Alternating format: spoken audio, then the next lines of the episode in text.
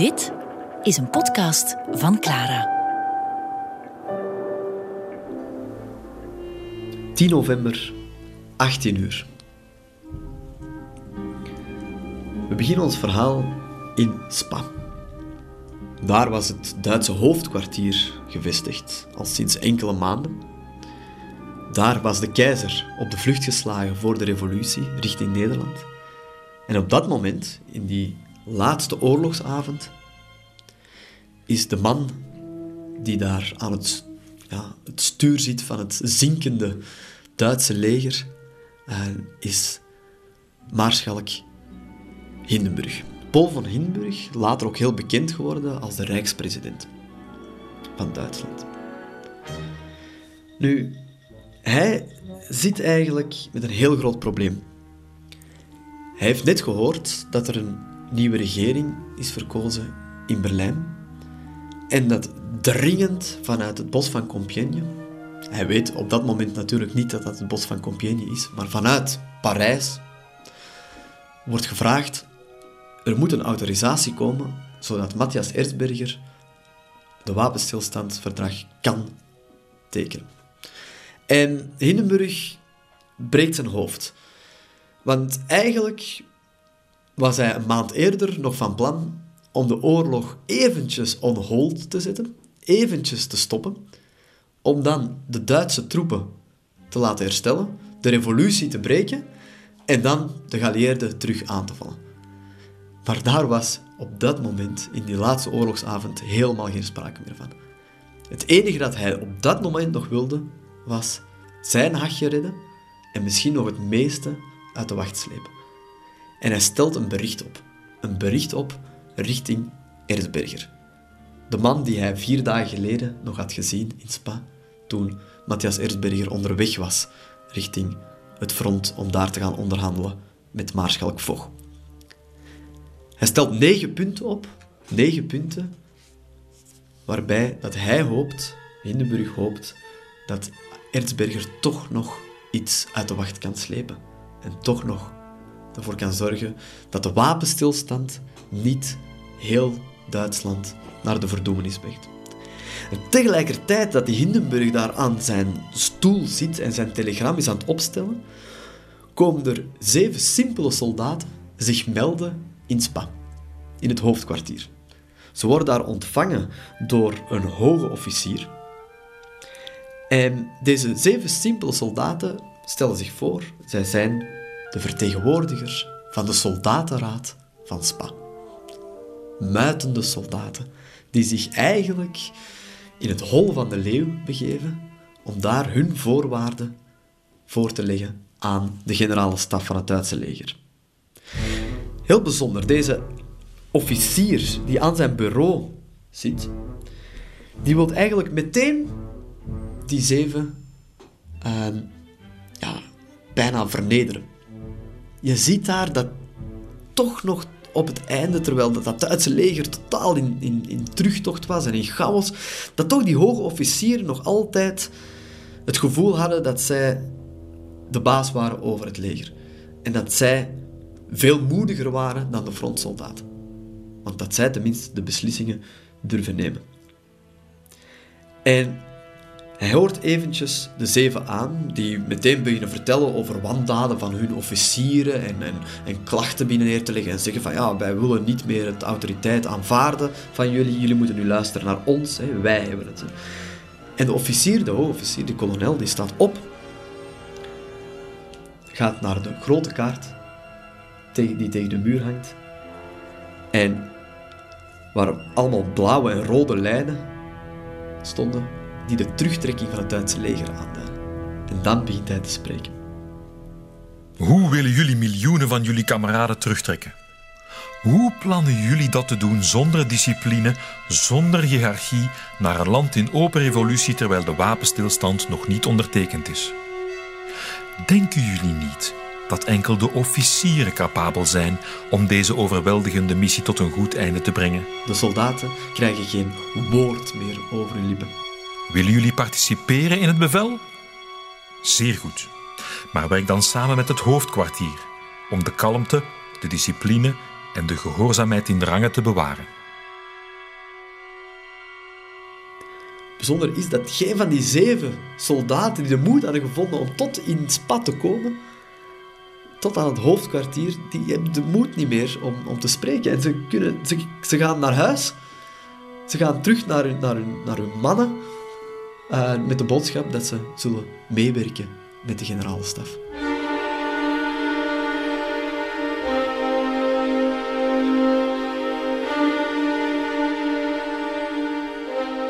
Als in Spa Hindenburg zijn telegram opstelt voor Matthias Erzberger in het bos van Compiègne, tegelijkertijd stuurt hij een dringend telegram richting Berlijn. Hij zegt aan de nieuwe rijkskanselier Friedrich Ebert dat er dringend een beslissing moet gemaakt worden vanuit de regering. Want Matthias Erzberger moet kunnen tekenen. En de rijkskanselier, de net nieuwe, net benoemde rijkskanselier, eh, heeft geen keuze. Hij weet heel goed wat er is afgesproken met Matthias Erzberger. Hij geeft de autorisatie, hij laat dat in telegram opstellen met een code 3084. Zo weet Matthias Erzberger in het verre Frankrijk dat dit de enige echte autorisatie is. Hij verstuurt het. Ondertussen in het bos van Compiègne is de sfeer helemaal niet goed. Een van de Duitse onderhandelaars schrijft in zijn dagboek.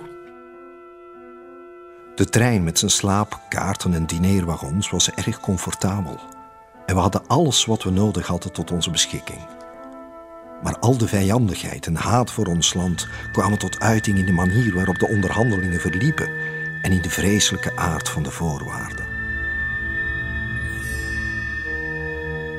Matthias Erzberger besefte meer dan ooit dat zijn situatie onmogelijk was. En ondertussen zat Ferdinand Foch in zijn treinstel af te wachten tot de lang verwachte en geëiste autorisatie vanuit Berlijn zou komen.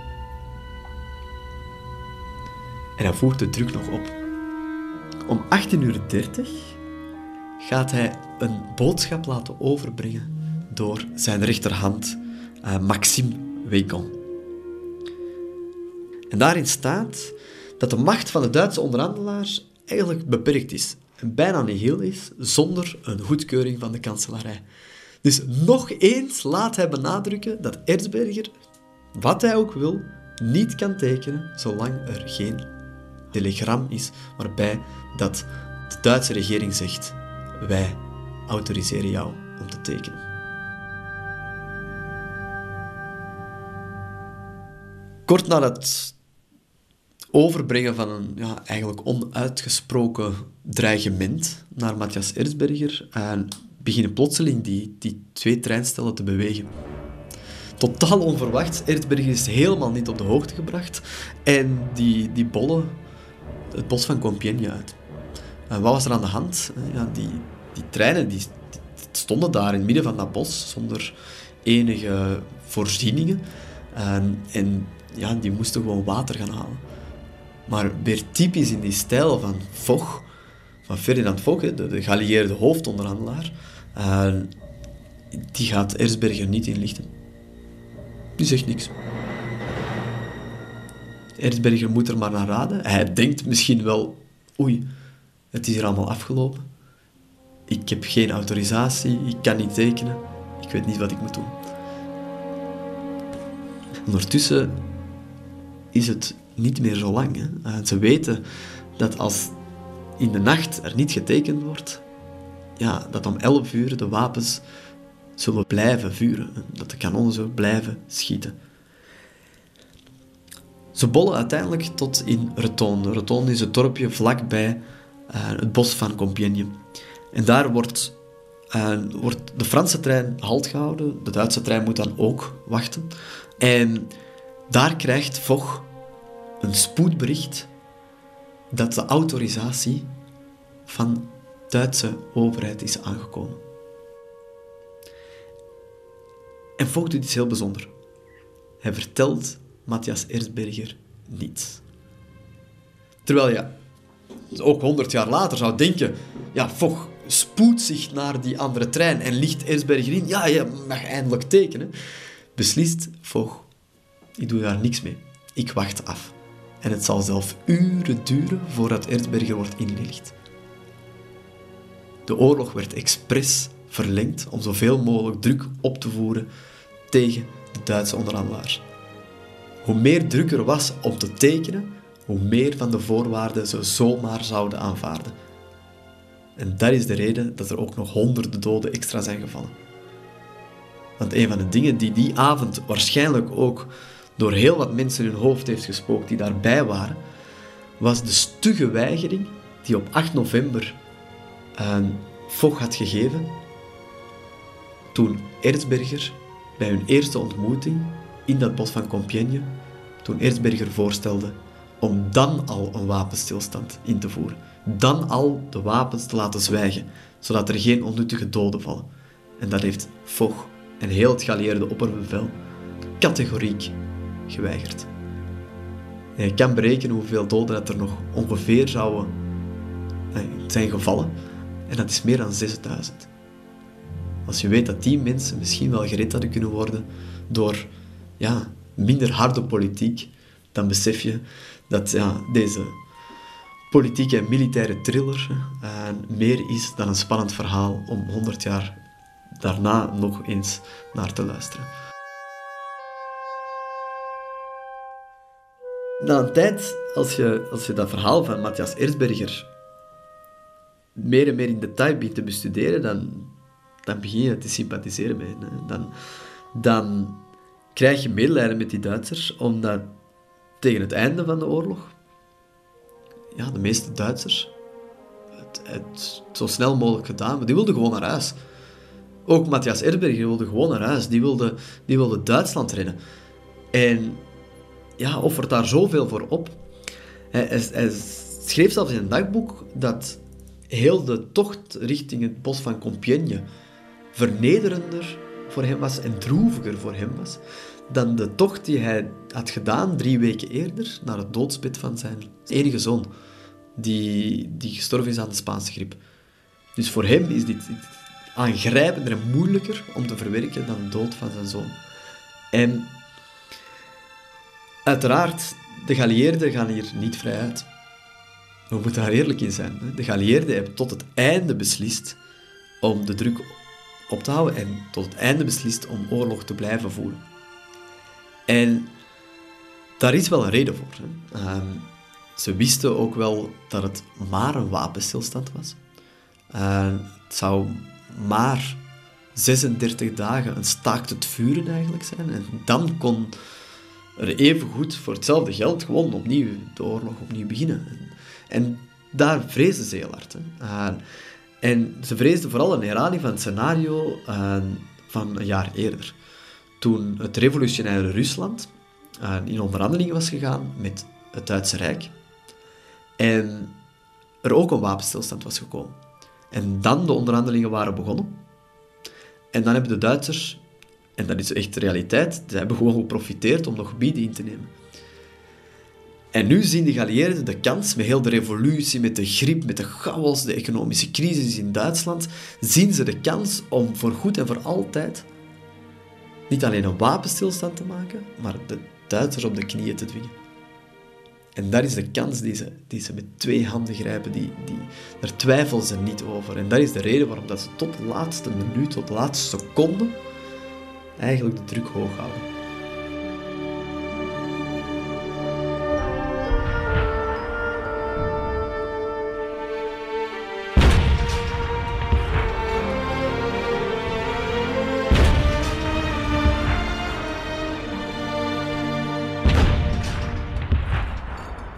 Het is 18.30 uur.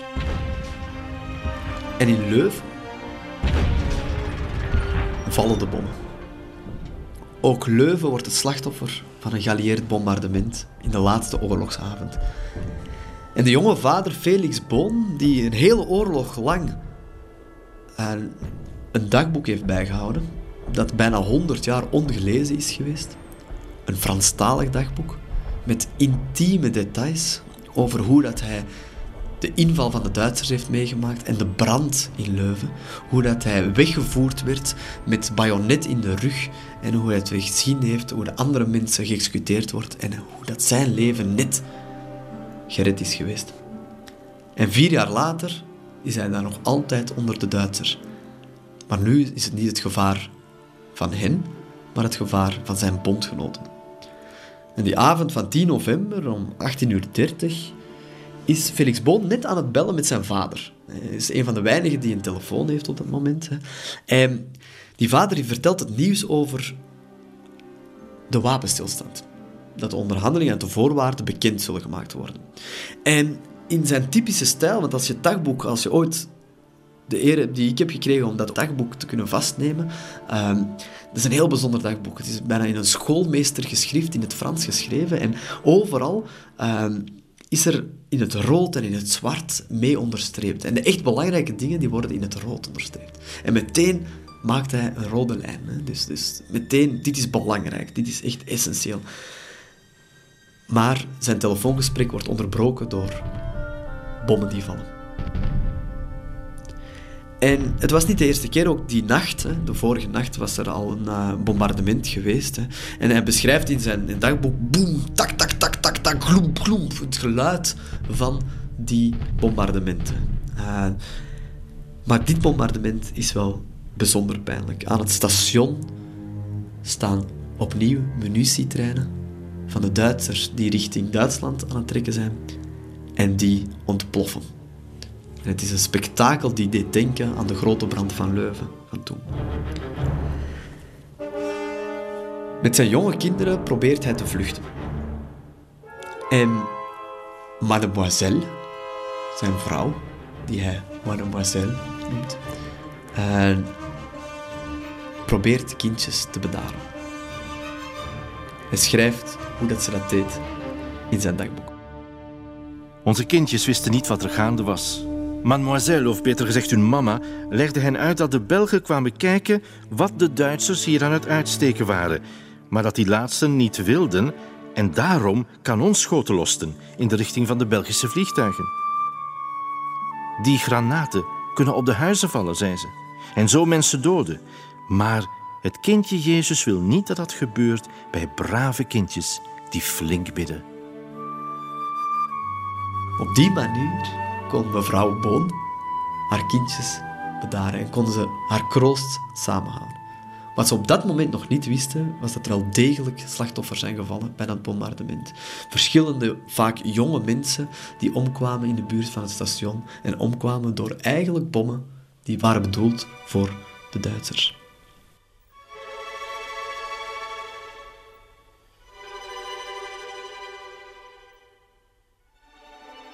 Er is nog een getuigenis over het voorval. De Nederlandse broeder Romuald Borghout. En hij pint in zijn dagboek neer uh, wat hij daar meemaakt. De Duitsers adviseerden de kelders open te laten om daarin bij een nieuwe vliegeraanval aanstonds te kunnen vluchten. Vele bewoners durfden niet in hun huis overnachten. Tegen 19 uur was er een nieuwe luchtaanval. Geen 300 meter van ons kloostergesticht waren twee bommen ontploft. Een ervan vernietigde een woning en de andere maakte in de steenweg een gat van ruim een meter diep en twee meter doorsnede. Uitgesprongen kasseien verbrijzelden de ruiten in de buurt. Een oud leerling van mij, Cyrillus Rosier, werd erdoor getroffen en gedood. Drie Duitsers durfden niet bij ons te blijven en vertrokken. Doch kwamen haastig terug om te zeggen: Zet een emmer met water bij u en maak doeken nat.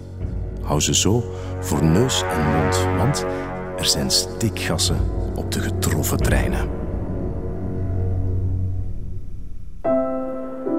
Ontdek ook onze andere podcasts via clara.be.